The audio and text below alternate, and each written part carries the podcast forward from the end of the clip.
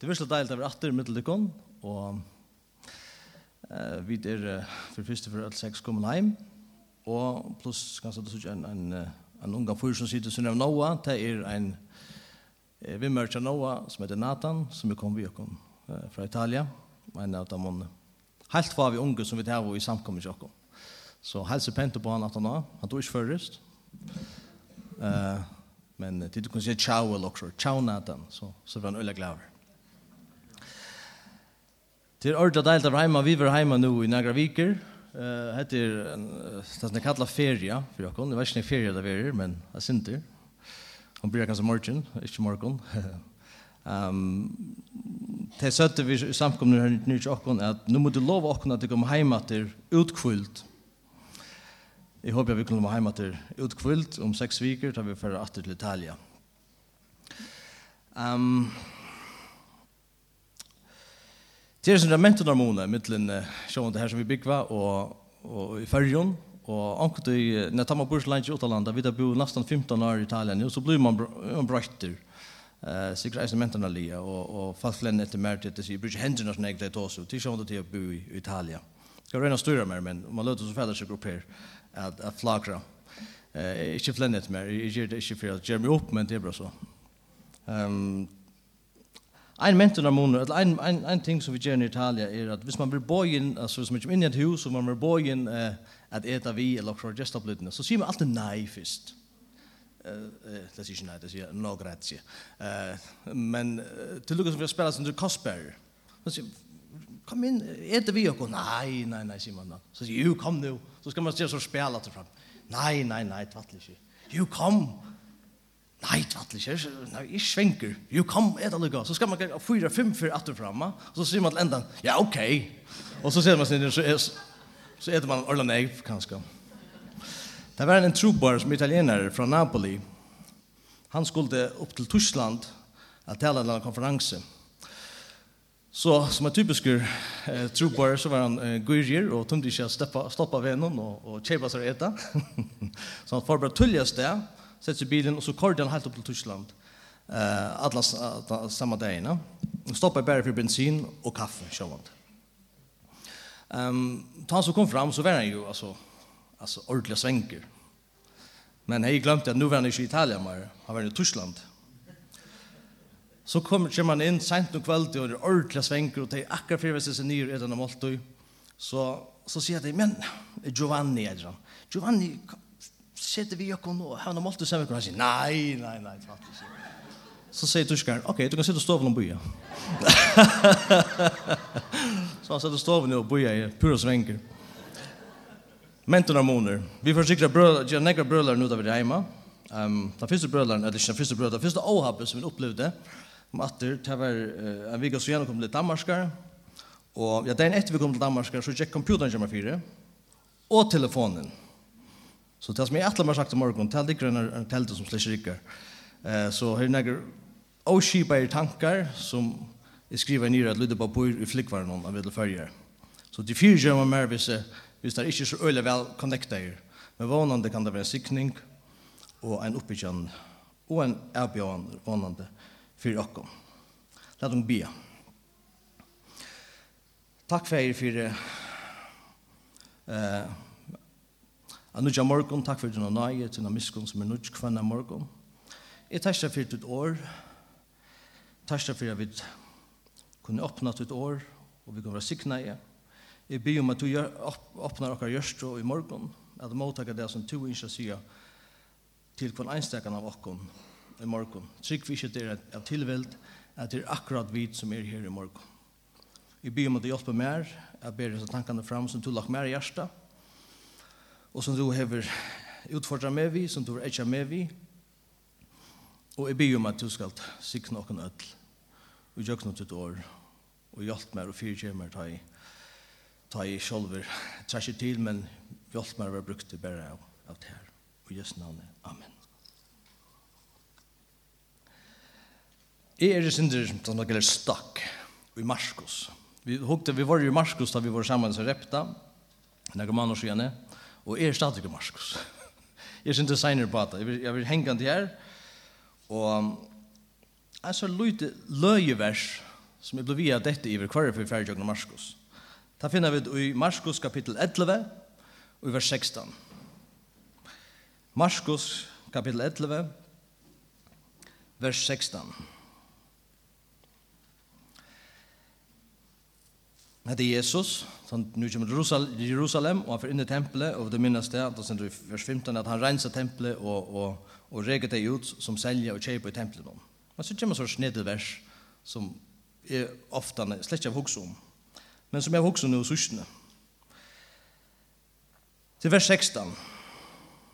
at han har vært ikke, man sier folk av dyr, så kommer det verset som sier så leis. Og han gav ikke løyve til at nekar bær uilad og jøkna tempelet. Nu sier regn. at det er mest løgna verset som, som, som, eh, som du kan velge til å ha en utfra. Og han gav ikke løyve til at nekar bær uilad og jøkna tempelet. Ok. Hva er det hatt av en nekar? Tid i luften har vært så øyla sikninger og fyrir gjemmer så avfædelige, badnaktige myndene. Men tid sikna okkon, og tid, tid bia fyrir okkon, tid stola okkon, og vi kvar så senda tid okkon eisen pakkar.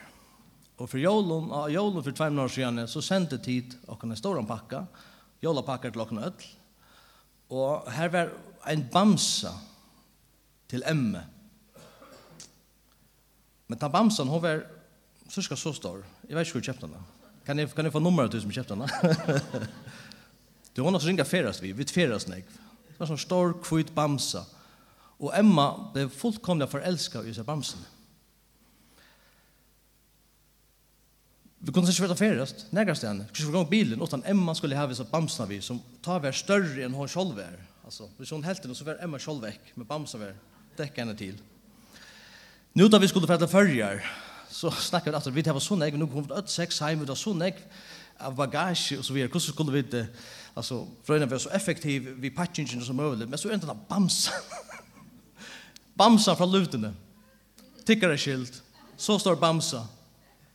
Men det som vi funnit det av sushnet, det var at ta Emma leis og sova vid seg bamsene, så har den alltid til som har bøtt, til kjenner seg reisen til, hun blir å spela vid sløyfene av bamsene. Så jeg tykker på det er sted, Vi har spelat vid sløyfene som var under om halsen av bamsene, og lukket som lejarna, middel suttene og nøsene, og angst i, oppi øyre, og så, helt etter seg, og i seg. Munken i alla kona, Heidi, hun sier, kvært hvis vi bedre sløyfene av de store bamsene, og køyre sløyfene, at det er en liten bams. Varst du kvært? Det er ikke jeg. Hette. Men det er den samme sløyfen, som er nu nok utsliten. Ok? Nu har det blivit har talen blivit snedjer och snedjare. va? Kvärt röjna vid att säga. Jesus var in i templet, han kommer till Jerusalem, och han ser att templet blir fullkomliga missnöjt. Och brukt till näka som han ångan i atla, eller som god ångan i atla, att templet skulle vara brukt till. Og han reger deg det dyr, til som selja og til som kjeipa. Og så kommer det verset, og han gav ikke løyve til at nekar bær uila du djøkna tempelet. Hvor bær uila du djøkna tempelet? Du tar vimerster, bibelvimerster som jeg har lyset, virka å være ene male om at det var folk som får etter vattnet. Det å si at brunneren i Jerusalem var her som av tempelet, og hese falskene bo i hinne med tempelet. Så i stedet for å genge rundt om tempelet, så var nekk langere, og for etter vattnet, og i vattnet eller noen, og så genge hjemme til det var nekk langere, ja, så gikk det bare jøkken tempelet. Det er jo praktisk. Men det er utnytt av tempelet. Og Jesus sier, nei. Han lærte deg, vers 16, og sier vi tar, er ikke skriva at hus mot skal kallas bønhus for öll falkasløy, men tid har vi gjørst her til rånsmann og bøl. Jesus sier faktisk, hvis du ikke er her for jeg tilbyr god, så, så ganger grunn om, per dere er han. Emma vær slett ikke avhåa og i bamsene. Hun var avhåa i sløyfene. Altså, tja, en tja veia, en tja ting av bamsene. Nu, hese bådskapen byrjar kanskje nok så negativt, men bare roligt, han forenda, han forenda positivt og etkjent. Spurningen er, hvordan bruker er god, nei, husgods? Alla hvordan misbruker er husgods? Det skal kallas bønhus, kall det sier, Han ville at folk, öll folkasløs og kom inn i tempelet og dyrka god. Ikke at utnytta god. At leta god bruka tei og ikke at leta tei bruka god. Og han gav ikke løyve til at nekar bær uilad og jøkna tempelet. Nu vet vi okkar arbeid har oppleva ofta, og det røyla hjarta bråtande, at folk er kommet, har vist ahua for evangelien, er det kanskje bryr genga i samkommende, kanskje har vi gjort at trygg, og jeg har anker dømmer om enda folk som har lært seg døpt, men så knappt så var det vekk. Anker dømmer var det tog, at nå funnet det ankeren, som det blir gav i, og ble gift, og så var han vekk. De bare uilød og gjør noen tempelet. De var tiltrykt, til, tiltrykt av samkomne for det som de kunne få fra gode, og ikke for det som de kunne gjøre gode. Jeg kunne nevnt søver, en, en jente som heter Asunta, Heidi brukte, altså år, at hjelp henne tøymer. Ofta sier at hun snakker vi henne lengt ut av nottene. Og får du jøkken og rønte i hjelp henne. Men så fra en del til annan var vekk. Så nå har jeg funnet noen som er gav i, som hun ikke funnet samkomne. Hun var ikke avhåa og i gode, men hun var avhåa og bruka god. Og han gav ikke løyve til at nægar bær uilad og gjøkken og tempelet. Men spurningen er så, men hvordan vidar vi Og her blir det at vi connectar vid titlen Marskos den obrukelige obrukelige trupar. Hvordan vidar vi og i arbeid noen til åkken i lafante, til tikkun i luftene hverjon vi skulle arbeida vi hver er potensial? Hver er ikke potensial? Nær skulle det lukka som få arbeid nær skulle det ikke få arbeid Hvordan vet vi det? Det er, det er størst evne. Vi vil jo kunne haft en ære kanskje tale, og ta seg bare om det, hvordan man fer fram framvitt, eller akkurat oppleving hvordan, man, hvordan vi fer framvitt. Men et prinsipp hadde vi det var lærst, og til hektar. Vi kunne bare arbeide vi følge som god arbeid Hvis vi ikke sutja at god gjør okkur løyvnum til okkur personer, så kommer vi til ikke det. Vi kan ikke skumpa okkur som god ikke skumpar. Hatt er okkur erfaring og gjødle for. Hva er det mest akkur detaljen er bruka tøy vi vikommande, djeva dem om tøy, og så videre, at læra det, så videre. Det er detaljene, men det stora prinsippet som vi har lært til er at du kan spæra arbeida vi menneskjon som god langt arbeid vi. Hatt er prinsipp for misjon. Misjon er at hitje etter hva god gjør, og så at blir en persa tog. Det er misjon. Hvis god ikke virker nere i Molisia som vi arbeid, så kunne vi ikke gjøre. Men vi kunne hitje etter hva god gjør, og så på ankra måter rønne blir en persa tog. Og her kommer vi til en person som heter Marskos. Marskos Og det er han som er skrivet av verset som vi akkurat lyser. Vi begynner i uh, Apostlasøvene, kapittel 12. Og hun husker meg bare kjøtt at ikke noen vers om hva Marskos vil nevnt. Hette det Marskos som vi tryggva hever skriva av Marskos evangeliet. Og han vil nevnt i Apostlasøvene 12, vers 12. Hvis det er bøypelig eller smartphone, så er det godt at hvis du fyllte, fyllte vi mer. Marskos 12, 12. Ta i han nu hei summa seg, hette Peter som er vil sitte faster, og nu er han angel som er sett han leisan, eller lost han leisan.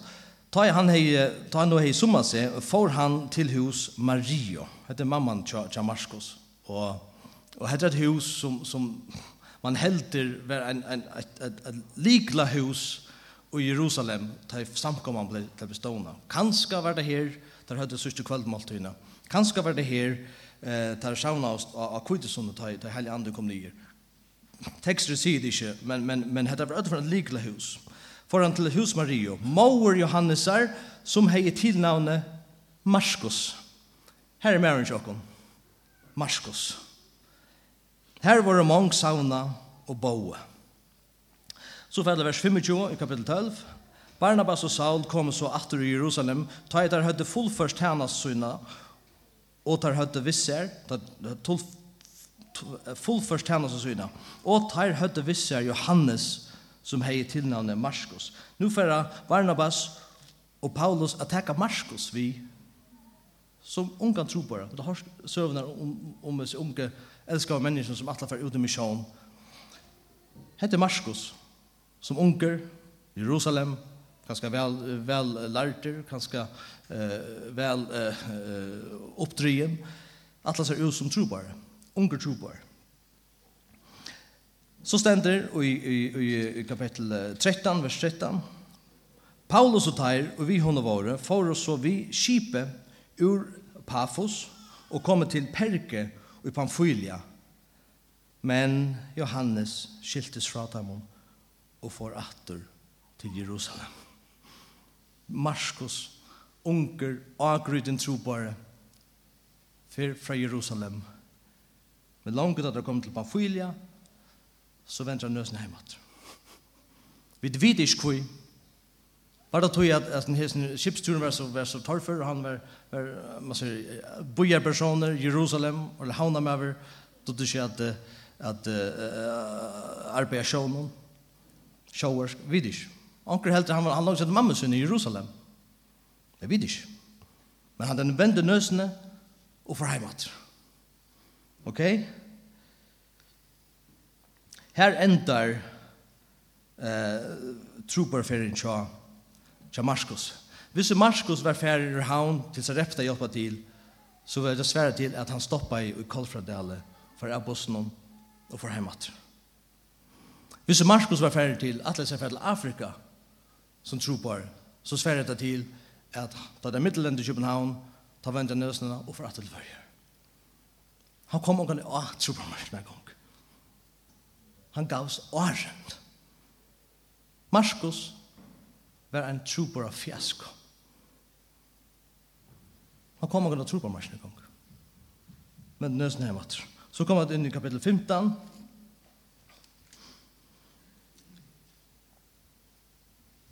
vers 36.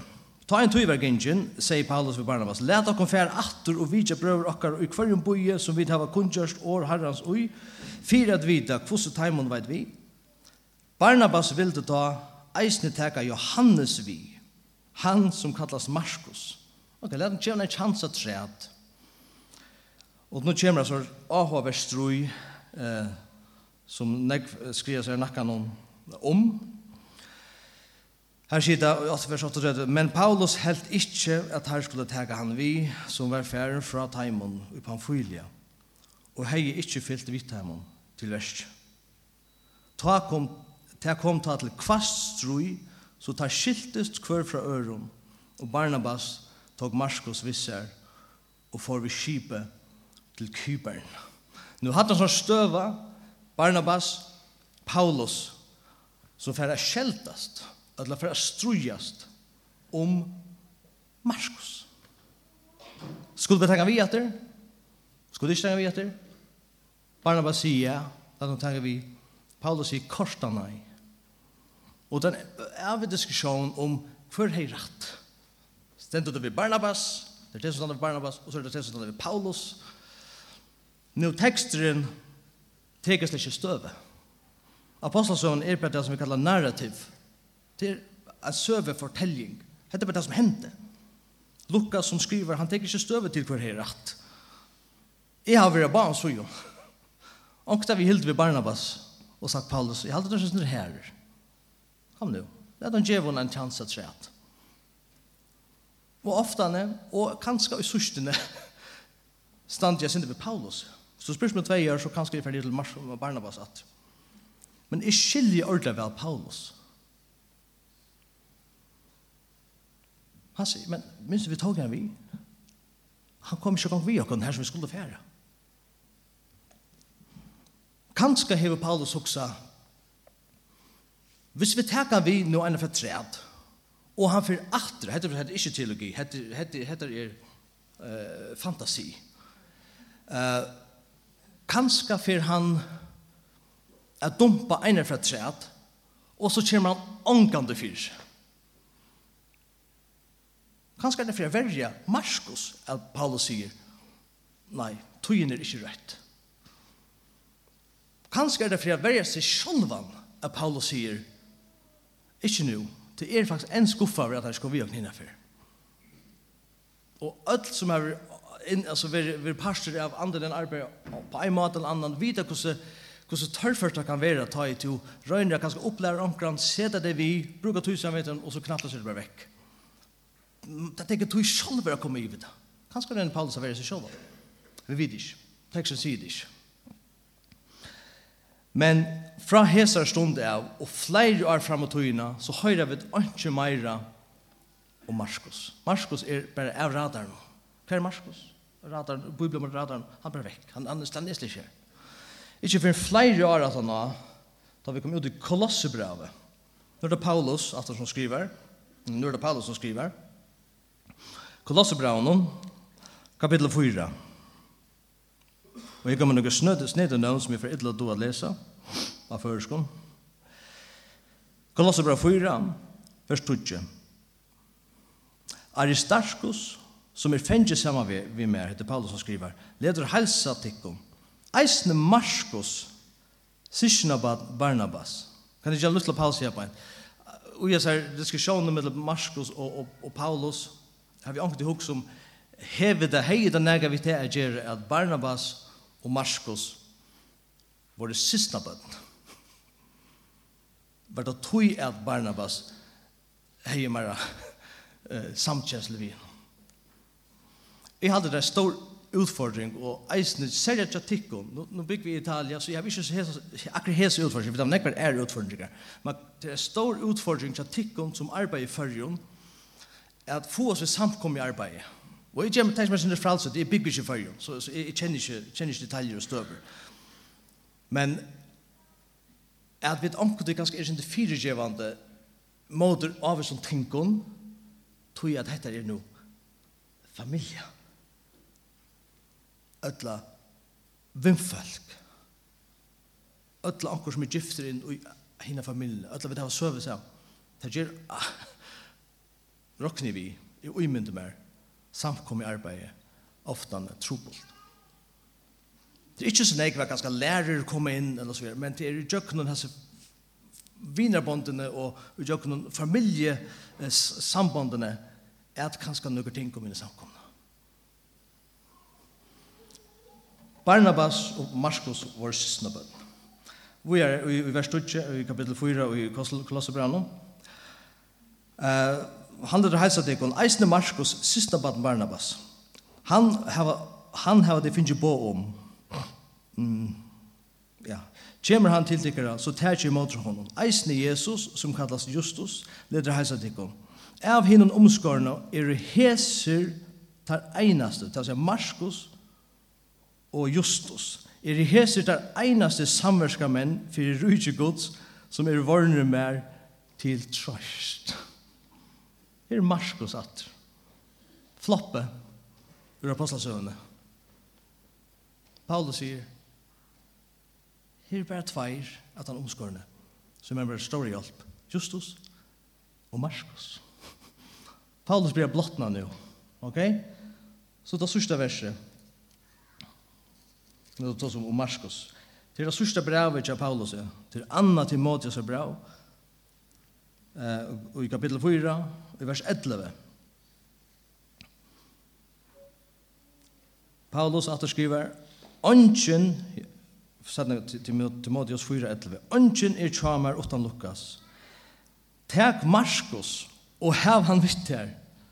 Han er mer til goa hjelp og tænasene. Sørst du? Okkara viner, Marskos. Nu er han ikke bare en av dem, ok, nu er han Han er en veldig hjelp, Marskos. Jeg vet ikke hvordan vi tikk om. Men jeg føler at jeg, for meg er søvann og Marskos en veldig etjan. Personlig etjan.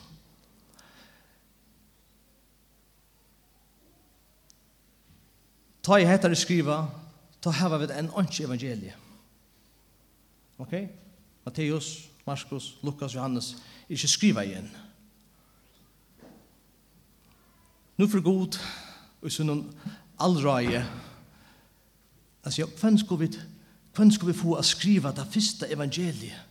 Det første skriva i evangeliet om det som Jesus gjørt, soner min gjørt det da han gikk hjørnet. Hvem skal vi finne? Markus. Markus. Jeg føler han veldig etter nøyest nær. Marskos, så var et flopp. Han får fra, kan vi si, å være en rukka og i arbeid i gods til å være en rithøvender av bokgods. At det bare er gods som ikke det. Han får fra å være en fiasko til å være en eh, forfatter av året gods. At det bare gods kan gjøre det her. Jeg finner noen store etja nu just her. Um, jeg spurte Åtna Jakobsen og Jan om jeg kunne fortelle henne søve, og som han sier, da vi var, da vi var hjemme så repta, da vi var hjemme og vi var så repta sammen i, i mars, så sier han nega, og det var det stått litt, og det er ikke for å bebreide honom, det er for at vi søker at hvordan er det god er. Og jeg spurte han om han kunne si det, han sier det er ganske godt. Og hade sig kommun med att se det på. Han det kanske inte var så så så dramatiskt utan det sagt som är det fortäljer det. Han säger en ting som jag angående har fortalt där men men ta tu säga att tu att det är just en tro på. Vad ska jag huxa? Gud förbarmelse. Gud forbarmes.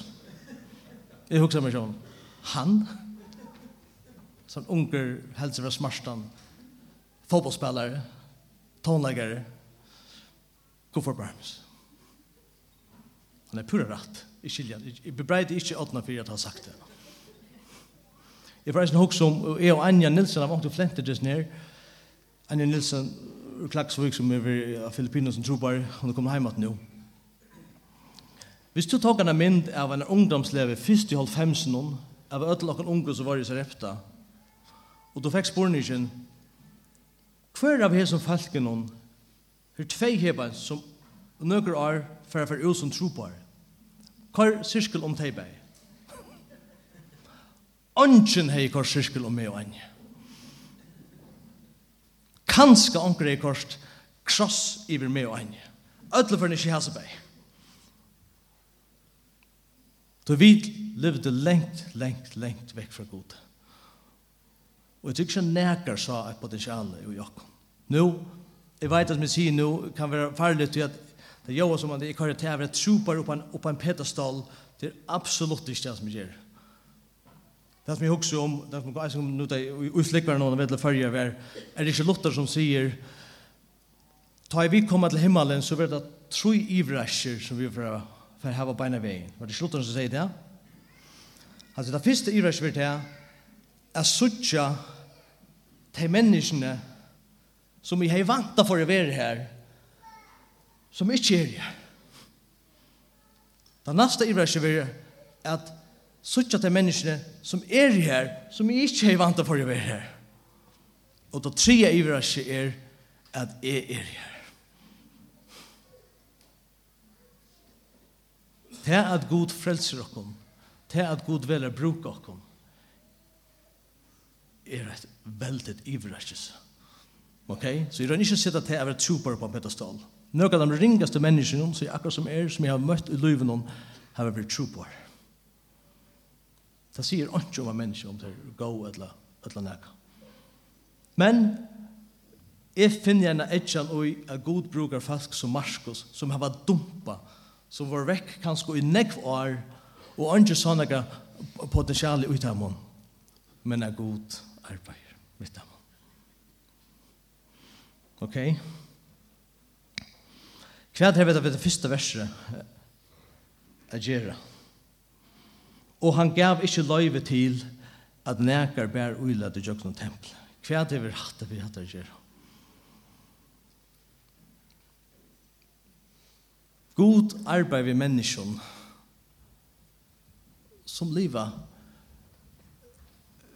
fyrir jeg være brukt av hon. Ikke av menneskjon, ikke mennesker som ikke bruker han for sin akko. Det merker ikke at det er fullkommen. Det merker ikke at det er doa vel eller doa godt okkur. Men det merker at det er kommet til krossen som det er sunnkjum i morgon at jeg gjør det at jeg kan ikke frelse meg selv. Jeg kan ikke gang være brukast. Men at det er ødler for godtak det. Ok, vi strujast ødel vi akkurst. Jeg har mye struj. Vi skal fortelle det her om morgen. Men god, vi syne nøye, vi syne tåle, blir vi vi og brukar. Brukar det og brukelige. Jeg kunne kalt det kallat talene regjen til å bruke tro på. Og det tok han skal ha tutt navnet nye her. Og taler etter tro på. Han gav ikke løyve til at nægar bær uilad i jøkna tempelet. Han lærte jo seg vitt der, er ikke skriva at hus muska kallast bønhus for at falskasla. Jeg vet ikke hva to erste morgon, Jeg vet ikke om to har til en bølgen. Det er tvær bølger. Det er til en bølgen som ønsker å være brukt av god. Så sier, jeg vet ikke hvordan jeg kan brukes. Jeg vet ikke hvordan god kan jeg kan bruke meg. Men jeg er her, ikke for at bare få, men til at jeg vil hava i samfunnet, og jeg vil tilby og dyrke god. Så får jeg god å bruke det. På en måte, eller en annen måte. Ötla hördu til hin bältjen så brukar tempel. Ötla samkomna. og då ber uylöd og jökna. Samkomna och jökna tempel. Samkomman er bæra fyrir te og fyrir twin ago. Og ahover och tyverliga det som det dreier seg om, og til gode. Herren Jesus Kristus og honom og du er kommet i tempelet for han, og ikke for det. Må herren sikne sitt år, og sikne noen ødel. Det blir med sunnkje en, en sang, og tar ærne for å hjelpe meg vi at fiksa det mikrofonstativet. Annars får du ringt å spille, og synge sen, synge. Men la dem bia.